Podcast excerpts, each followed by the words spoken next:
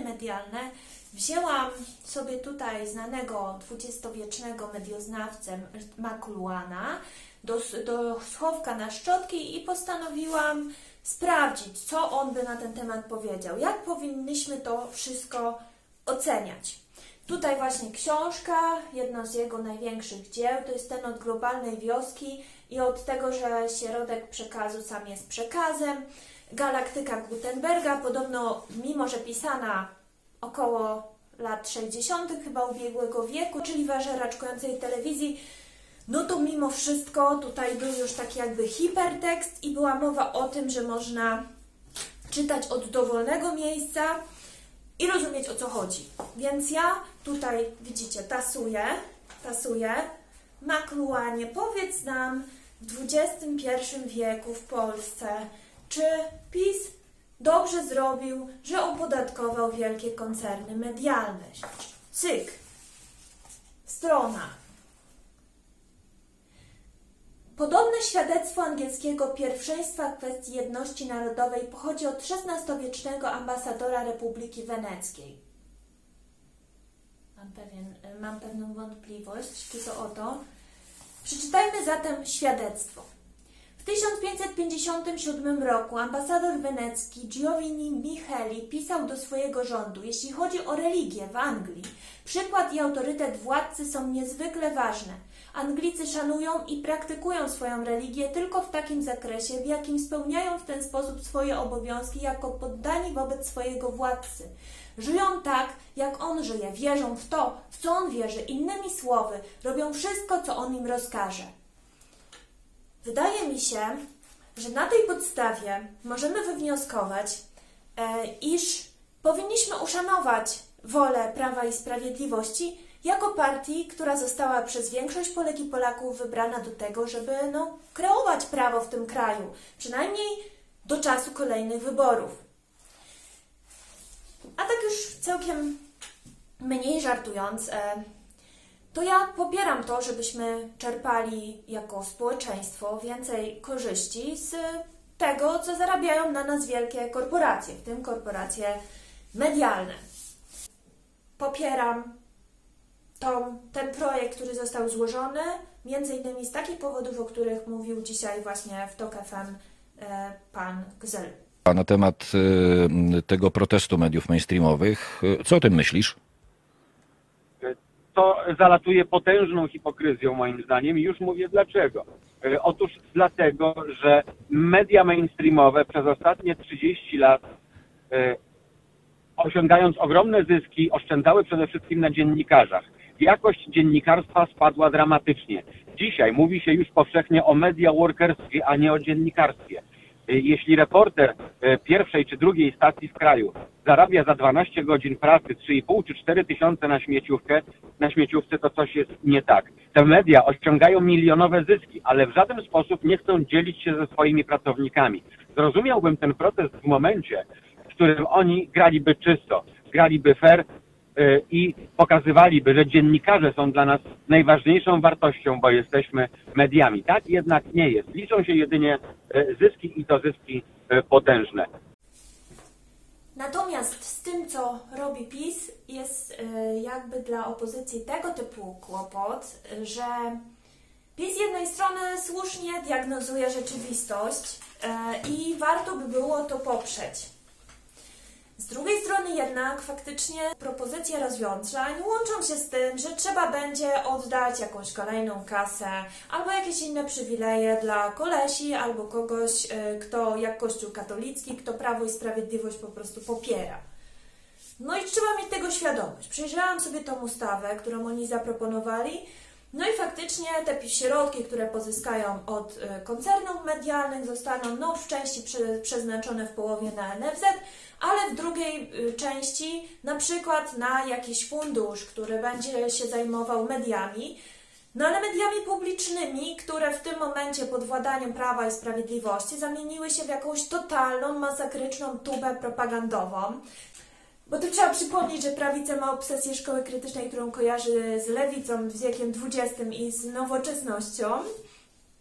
Z, no właśnie, i cały czas usiłuje powielić rzekomą propagandę, którą to myśl lewicowa siała przez, przez ileś lat, doprowadzając o rany do tego, że kobiety, o matko, postanowiły się wyemancypować, czyli nie świadczyć darmowych usług i nie sprowadzać jedynie życia do tego, żeby właśnie siedzieć w takim schowku na szczotki. E, no i że generalnie raptem e, tworzone są niewielkie rodziny nuklearne i jeszcze chcą je tworzyć osoby w parach homoseksualnych. No i tego po prostu prawica przeżyć nie może, w związku z tym uważa, że to jest na pewno wina jakiegoś właśnie spisku, tak zwanego marksizmu kulturowego, no i właśnie skutecznej propagandy, teraz stara się to odwzorować, tylko tak w drugą stronę, kontrrewolucję stara się przeprowadzić. No więc właśnie i takie to są y, efekty, że TVP, które było przed przejęciem władzy w 2015 jedną z lepszych telewizji moim zdaniem, gdyż y, no naprawdę zapraszano ludzi różnych opcji, prowadzono w miarę tą debatę taką merytoryczną, w mniejszym stopniu emocjonalną. Szło to, szło to wszystko ku dobremu, no ale to, co potem po przejęciu przez Prawo i Sprawiedliwość się stało, to jest jakiś koszmar totalny i wymaga praktycznie zaorania i rozpoczęcia wszystkiego od nowa. I tak, no w tym momencie media mają olbrzymie problemy w związku właśnie z reklamą, ale przede wszystkim reklamą internetową, natomiast nie jakby w, w, kwestii tego, że ktoś tam wykupuje sobie płatne banery, czy tam, nie wiem, nawet y, poromuje swój post na Facebooku, no ale w kwestii tego, do kogo może dotrzeć, a może dotrzeć w sposób spersonalizowany, ponieważ y, no, dzięki y, sztucznej inteligencji możliwe jest takie profilowanie konsumentów, poprzez wyszukiwarki czy media społecznościowe, które nigdy nie byłoby dostępne jednej, dziesięciu czy nawet stu specjalistkom od marketingu, psycholożkom e, czy komukolwiek, kto chciałby takie dane analizować i skutecznie stosować, by skłaniać do poparcia albo skłaniać do zakupu. Tam się pojawia w ustawie taki punkt o tym, że trzeba się zająć właśnie monitoringiem internetu. Oczywiście już jestem w stanie powiedzieć 3, 2, 1, jak liberałowie zaczną wyć, że cenzura i tak dalej. Natomiast my potrzebujemy w pewnym stopniu cenzury też, żeby walczyć z fake newsami. Otóż, no, sobie sama kiedyś wymyśliłam, że tak jak była telewizja i czy nadal jest, miała oznaczenia zielony, czerwony, pomarańczowy, tak samo powinno się nadawców e, w internecie oznaczać. To znaczy, żeby człowiek chociaż miał świadomość, że na przykład to jest, powiedzmy, blog niezarejestrowany, fanpage niezarejestrowany, czyli anonimowe. Żadna, żadna służba, no chyba, że gdzieś tam za specjalnym zezwoleniem sądu, nie jest w stanie określić, kto to prowadzi, nie ma się w takim układzie do kogo odwołać, co, tą, co zrobić z tymi, e, no do kogo mieć jakiekolwiek roszczenia. I no i powiedzmy, takie coś ma czerwony znaczek, e, kiedy wchodzisz na stronę tego typu podmiotu. Potem możesz mieć na przykład takie strony, które należą do osób, które nie są zarejestrowaną działalnością gospodarczą czy czymkolwiek, jakimś podmiotem prawnym.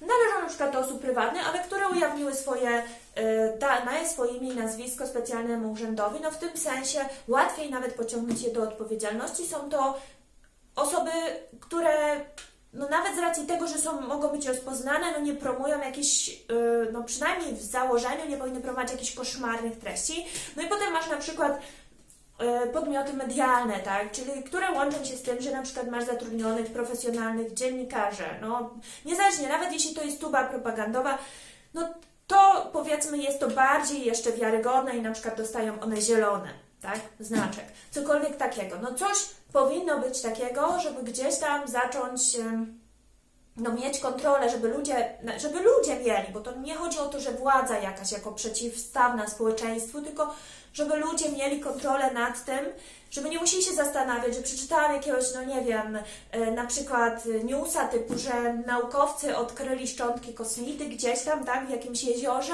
Ja się zastanawiam, czy, no ale czy to może być prawda, czy nieprawda, może udostępnię to w social mediach i tak dalej, tak dalej, to się potem roznosi, bez sensu, no jakieś takie właśnie uwiarygadniające y, znaki powinny przynajmniej występować. No i właśnie druga sprawa to jest e, no, kwestia właśnie możliwości tej reklamy, która potrafi zachwiać nastrojami społecznymi, czyli zachwiać także no, demokracją. Tylko nie chodzi mi o to, że tam ktoś podejrzewa drugą stronę sporu politycznego, to, że wygrała dzięki tego typu reklamom, bo ja jednak bym chciała wierzyć w to, że ludzie są zdolni i mają ochotę podejmować w miarę racjonalne decyzje i że no, jeżeli taką podjęli, no to pewnie nie tylko na podstawie newsów internetowych, taką, a nie inną, na przykład wybrali Prawo i Sprawiedliwość, to ja bym chciała jakby przy tym na razie obstawać. Natomiast e, no, ta polaryzacja sama w sobie polityczna, która w tym momencie występuje, ta histeria totalna dwóch stron, to przeciwstawne całkowicie interpretowanie rzeczywistości, no to rozbija przyjaźnie, rozbija rodziny i tak naprawdę, bazując na bardzo niskich instynktach, może kiedyś doprowadzić faktycznie do rozlewu krwi, do przemocy. Dlatego, że to już przypomina taki konflikt wartości, to przypomina na przykład wojny religijne, które kiedyś się toczyły, czyli no my cały czas jesteśmy w swoich środowiskach, drugiej strony prawie nie obserwujemy, bo ona nas drażni, uważamy jej interpretację rzeczywistości za głupie, za, za złe, wręcz za z gruntu złe, ponieważ to się cały czas odwołuje do systemu właśnie wartości, czyli dla jednych na przykład jest ważna w większym stopniu lojalność, dla prawicy, wobec e, swojej grupy, wobec tradycji, dla innych jest ważna na przykład troska o jednostkę, dla liberałów Tutaj polecam książkę e, Prawy Umysł, który mówi właśnie trochę o tej psychologii wartości e, w polityce, między innymi.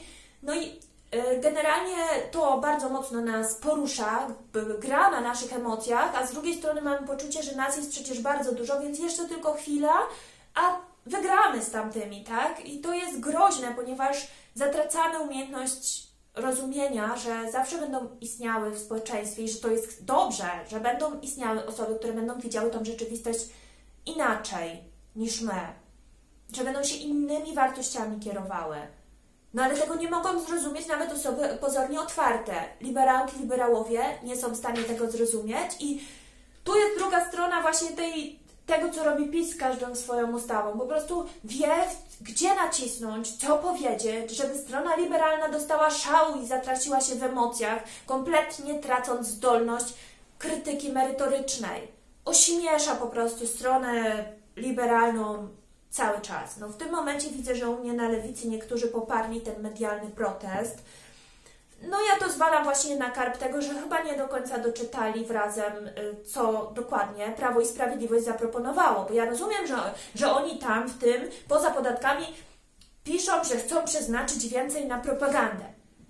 No ale sorry, to oni teraz, dzisiaj stanowią prawo, także na przyszłość przyjdzie inny rząd i ta propaganda może być inna, może być zmieniona. Z funduszu można zrobić przyzwoite media, które właśnie na przykład mogą się zajmować Głównie tym, że skoro komercyjna telewizja, radio, internet bawią i sprzedają nam różne rzeczy, y, reklamami, które bazują na naszych emocjach i treściami, które bazują na naszych emocjach, no to na przykład telewizja publiczna czy inne media publiczne będą na przykład weryfikować te, te treści. Będą właśnie z nich, można będzie, na przykład będzie program każdego dnia o stałej porze, gdzie będą naprawdę wałkować ekspercko od różnych stron, od rozwiązań w różnych krajach, każdą rzecz, którą zaproponuje dany rząd. No nie wiem, cokolwiek takiego, tak? Żeby było jedno wiarygodne i naprawdę pluralistyczne medium.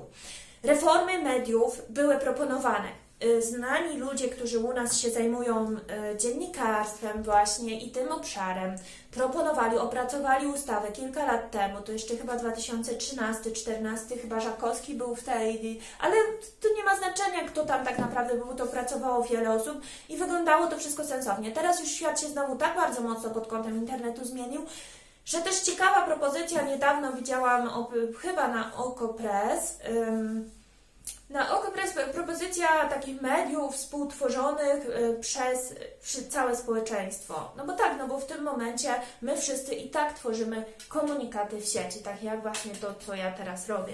Każdy w swojej bańce, w swojej skali, do tak węższego grona, do szerszego grona, natomiast tworzymy. No i na tym polega też ta utopia i dzięki losowi, że, że utopia wiary w, w siłę propagandy. Ja jestem przekonana o tym, że to tak nie jest. To znaczy może inaczej. Propaganda moim zdaniem działa w tych obszarach, które w mniejszym stopniu dotykają y, daną osobę. No a takich jest większość, bo życie społeczne jest bardzo szerokie. Więc powiedzmy, kiedy mamy na przykład pielęgniarkę, czy tam, no nie wiem, nauczycielkę, no i ona słyszy coś na temat y, pracy w szkole, to ona to bardzo mocno weryfikuje, bo to może dotyczyć jej zarobków, jej warunków pracy. Ona ma zresztą w tym doświadczenie, więc ona przez pryzmat tego doświadczenia całą argumentację przetwarza. Jeśli ona ma na przykład też tam na przykład dzieci, dwójkę i jest mowa o tym, co, o ustawach, które będą dotyczyły na przykład rodzin dwójką dzieci, no to ona wtedy też to bardzo mocno się na tym koncentruje. To ją osobiście dotyczy. Albo jeździ zawsze, dojeżdża do pracy PKP i coś jest o kolei, to wtedy tak. Natomiast cała reszta rzeczywistości jest przetwarzana peryferycznie, czyli gdzieś tam właśnie po tych powierzchownych takich interpretacjach, po heurystykach E, pomyślenia, czyli, czyli po takich schematach, stereotypach. Jakby życia ludzi nie pokrywają się ze sobą, znaczy płaszczyzny życia, które są dla kogoś ważne, się nie pokrywają, więc można osiągnąć pewnie i dość szeroki e, jakiś tam efekt tych oddziaływań propagandowych. Można odciąć człowieka od jakichkolwiek innych alternatywnych wiadomości, no i faktycznie jakoś tam osiągnąć to, że w sporym stopniu będzie, yy, będzie po prostu wierzył w to, jak my ten świat przedstawiamy. Ale też uważam, że nie do końca, bo jednak wszelkie zmiany realnego sposobu życia a przez to i kultury wtórnie są związane raczej z technologią, o czym mniej więcej też mówi McLuhan, który wskazuje na to, jak media zmieniały sposób życia człowieka, jak właściwie dróg. On się koncentruje na epoce, która w czasach, kiedy on pisze tą książkę, już odchodzi do przeszłości, czyli epoki y, druku. Y, I no, pokazuje, jak, że właśnie dzięki temu drukowi na przykład złapaliśmy dystans do siebie i było możliwe całe to oświecenie, które no, zmierzało do tego, żebyśmy gdzieś tam zapanowali nad swoimi emocjami, rozdzielili to, potrafili na siebie spojrzeć krytycznie, na to, co myślimy, co mówimy, no tak, i teraz, e, ponieważ e, już ta epoka odchodzi do przeszłości i znowu wraca taka pierwotna wielozmysłowość, no to ponownie my ten dystans do siebie zatracamy. I teraz powiem tak, ja bardzo media lubię. Kończyłam pierwsze studia, to były studia dziennikarskie i mm, ja jeszcze pamiętam, to był początek 2000 lat. E, I pamiętam, no to, że dziennikarz to był przede wszystkim człowiek, który dążył do obiektywizmu. My już dzisiaj nawet jeśli go nigdy nie osiągał, tak? Bo, bo to jest nie, oczywiście, że to jest niemożliwe, ale to jest różnica mieć problem, znaczy nie móc całkowicie na przykład zapamiętać nad emocją złości albo nad emocją smutku, a przyzwalać sobie na to, żeby wszędzie, w każdym momencie i w pełnej ekspresji e, okazywać tą emocję. Czyli nie wiem, jeśli ulicą ma, jestem zdenerwowana, to podejdę do kogoś i mu przyłożę, tak? No to jest jednak różnica, że idę ulicą, jestem zdenerwowana, spotykam koleżankę, ona mówi, o chyba jesteś zdenerwowana. Ja mówię, no, no tak, no w sumie jestem, albo nawet zaprzecza, mówię, nie jestem, ale ona mówi, chyba jednak jesteś, bo tak, tak, takie dajesz oznaki. No, a ja, albo na przykład spotykam koleżankę, ona mówi, nie zdąży nic powiedzieć, a jej przyłożę w twarz i mówię, bo jestem zdenerwowana, tak? No a dzisiaj właśnie po takim kontraście jedziemy, czyli z, z dążenia do jakiegoś obiektywizmu, to już w ogóle całkowicie zrezygnowano. I Dzisiaj słucham y, Halo Radio, które nie strajkuje w związku z, z tym medialnym protestem. No, wątły ma tam mniej więcej takie podejście jak ja, że jest to protest typowo ekonomiczny, że tu naprawdę nie chodzi o żadną wolność y, przekazu i nic takiego, że tu chodzi o pieniądze i to nie dla dziennikarzy, tylko dla y, po prostu właścicielek tych korporacji. Natomiast, no wątły uważa na przykład, że robi medium w jakiś tam sposób obywatelskie, czyli takie, które no, na to nie, ja nie wiem właściwie jakie to jest medium, no ja nie wiem, no to jest publicystyka, no ale publicystyka z jednej strony, tak? Z dwóch, liberalnej, ewentualnie i lewicowej. E, I jemu się to chyba wydaje, że to jest wiarygodne medium e, w taki sposób. Podobnie e, nastąpił tam rozłam, część, część, osób, która występowała, poszła do tak zwanego resetu obywatelskiego, jest dostępne na YouTube. No fajne te audycje, no ale szczególnie fajne dla mnie, osoby y, przekonanej do opcji e, bardziej lewicowej, tak? Myślę, że fajnie też dla liberałek y, może być, ale czy to jest medium, z którego ja mogę, na podstawie którego ja mogę sobie wyrobić inform mogę sobie wyrobić opinię o świecie? Nie, ja mogę tam wejść już z gotową opinią i w tej opinii się utwierdzić. Mimo wszystko tak jest. Ja rozumiem, że tam jest różnorodny przekrój. Wiecie, co ja dzisiaj uważam za dziennikarstwo? Publicystyczne, czyli takie, które zawsze jest nacechowane jednak dozą sporą twórczości. Publicystyka jest między gatunkami, tak? Trochę, tak? Czyli, e, no dobra, ale kończąc wątek, ja uważam na przykład programy Jaruzelskiej, gdzie ona zaprasza prawie samą skrajną prawicę.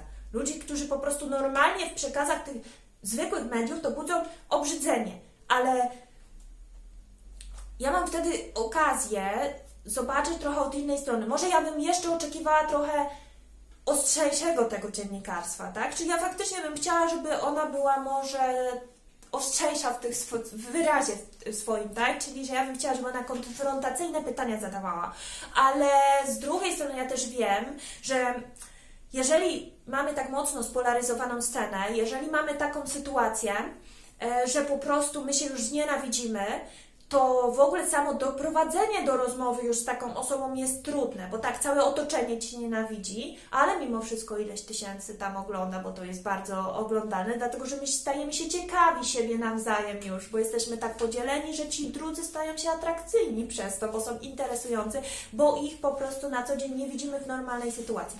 No właśnie, i może, tak sobie myślę, że może, może to jest tak, że jakby ona była bardziej taka właśnie, no, konfrontacyjna, no bo nie chcę powiedzieć agresywna, w stosunku do tych swoich gości, no to może w ogóle ta rozmowa, oni by się nie otworzyli, może to jest tego typu strategia. Że po prostu dzięki temu oni się bardziej pokazują jako tacy zwykli ludzie, no i zasypujemy trochę też te podziały. Mimo, że naprawdę, no to co ci ludzie niektórzy opowiadają, no to też nie podnosi ciśnienie. Przecież nie ukrywam, że nie podnosi, a może raczej ukrywam, właśnie uważam, że powinna się ukrywać. Dlatego, że PiS cały czas wie, co powiedzieć, żebyśmy pokazali, że stoimy po stronie elit, że stoimy po stronie wielkiego kapitału, że nie stoimy po stronie zwykłych ludzi. Zawsze każdą swoją reformę w ten sposób ustawia. Albo zdecydowaną większość. A jak już nie ma jakiejś na podorędziu jakiejś gotowej ustawy, która doprowadzi elity do szału, no to może coś Czarnek powiedzieć i wtedy powie, no wiadomo, co on ma powiedzieć, przecież on wie doskonale, co nas boli, wie, że no dyskryminacja, uprzedmiotowienie kobiet, no to wystarczy sobie wymyślał cokolwiek, no. Nawet na jej miejscu oglądałam właśnie tą opowieść podręczną i coś bym sobie tutaj szkicowała po prostu, jakbym chciała zabłysnąć e, na tej podstawie. I dzień jak co dzień po prostu. Wiadomo, że wszyscy dostaną szał, no bo im się nadeptuje na to, co jest wrażliwe. E, tak, jeśli ktoś osiągnie dość tam jakąś stabilną pozycję finansową, nawet nie bardzo dobrą, ale no jakąś tam stabilną. Mm, Jeśli ktoś osiągnie jakiś awans, choćby taki tylko intelektualny, e, no to ceni, prawda, tą wolność swoją, chce być szanowana, na przykład za to, że tam właśnie no, tego awansu dostąpiła i tak dalej. No i to jest dla takich ludzi zwykle ważne. No, no to kiedy PiS e, robi coś jakby przeciw temu, no to uderza w ich godność, tak, i oni, no w takie bardzo pry, prywatne wręcz e, te, te, te odczucia. I nie ma możliwości, żeby nie, nie ich nie popuścić. No ale w pewnym momencie kiedyś, kurczę, no trzeba się zastanowić, czy ja w ten sposób coś osiągam? No nie, raczej, nie. E, natomiast właśnie, jeżeli mówimy o mediach, na przykład, to na koniec jeszcze zostawiam tutaj e, na koniec zostawiam tutaj wypowiedź, którą aż sobie ściągnęłam z debaty. Dziennikarka Okopres. Okopres było, mam takie głębokie przekonanie, było bardzo ważnym medium tych protestów. E, I nawet kiedy wychodziliśmy na ulicę, czy ja, czy moi koledzy, koleżanki, to bardzo często jak się przedstawialiśmy, mówiliśmy jestem z Okopres, to słyszeliśmy o, moje medium, a Okopres, no wiadomo, wy jesteście z nami, albo o tak, z wami to będę rozmawiać, czytam was codziennie. E, My mieliśmy wrażenie na tych ulicach, że jesteśmy wśród naszych czytelniczek i czytelników. Nie lubię się pastwić w ten sposób, ale ona się nazywa dziennikarką i cieszy się z tego, że idzie na ulicę na protest i ludzie mówią, że ona jest od nas. To czy kiedyś to było, wiecie, tak, że to polityczka reprezentowała ludzi? Jeżeli ona chce reprezentować ludzi, a nie starać się w obiektywny sposób opisać rzeczywistość, to znaczy, że ona nie jest dziennikarką, jest polityczką, tak? No i takich rzeczy tutaj jest po prostu multum. Elity w ogóle y, mają cały czas ten problem, że nie rozumieją, czym jest internet. Że nie rozumieją, że tutaj, jeżeli oni, bo im się cały czas wydaje, że mogą kontrolować, co dociera do tak zwanych mas. Czyli jeśli my wykluczymy kogoś z debaty publicznej, my nie będziemy się z tą osobą spotykać, my nie będziemy z nią rozmawiać, to ona zniknie. I mimo, że mają setki dowodów, że tak nie jest, to nadal z uporem maniaka próbują to samo od nowa, to samo i to samo. My z tymi nie będziemy gadać, bo faszyści, z tamtymi nie będziemy, bo świry, bo antyszczepionkowcy, bo coś tam. No tylko, że jeżeli wy tego nie robicie, to oni sobie otworzą 10 swoich telewizji internetowych. Tak jak tutaj jest na YouTubie, to po prostu są same prawicowe telewizje, one mają setki tysięcy wyświetleń. Setki tysięcy. Nie potrzebują TVN-u do tego ani Polsatu, ani Okopres, ani Haloradia, ani e, Resetu Obywatelskiego, ani Tok FM, ani niczego podobnego. Więc nie wiem, możecie zostać taką wyspą, która odcięła się od rzeczywistości, która będzie miała coraz krótszą kołderkę, aż po prostu zostanie, zniknie. No albo zaakceptujecie to w końcu, że to nie wy w tym momencie decydujecie, przez to, że wybieracie osoby na przykład do programu, to nie wy decydujecie, kogo będą ludzie słuchać. To może być bardzo, po prostu teraz ten przekaz jest tak rozrobiony, że ja mogę sobie dla 50 osób robić film, ktoś robi dla 5, 500, ktoś robi dla 5000, a ktoś inny dla 500 tysięcy. I to niekoniecznie, nawet jeżeli nie zostanie to dofinansowane, to też zawsze gdzieś tam jeszcze, oczywiście w mniejszym stopniu, ale też są jakieś niekomercyjne rzeczy możliwe, które na, choćby z początku są niekomercyjne, gdzieś tam wypływają, więc po prostu nie macie kontroli nad tym waszymi decyzjami, kto wypłynie, kto nie wypłynie, jaki pogląd się przebije, jaki się nie przebije, więc ludzie mam wrażenie, że też już mają tego dosyć, czują, że coś jest nie tak, ktoś im gra ciągle na emocjach. No ale przecież współpracują potem ze sobą w pracy, e, współpracują, żyją ze sobą w rodzinach i ciągle są podzieleni po, po tych systemach wartości, po tych stereotypach, stereotypach, po tych interpretacjach i po prostu też już mają tego dosyć i dlatego podglądają gdzieś tam, jedna strona podgląda u liberałów, co się dzieje, druga strona podgląda na prawicę, bo po prostu nie chcemy żyć w takich bańkach. Ja myślę, że wszyscy nie chcemy. I naprawdę, jeśli dzisiaj by myśleć nad reformą sensowną,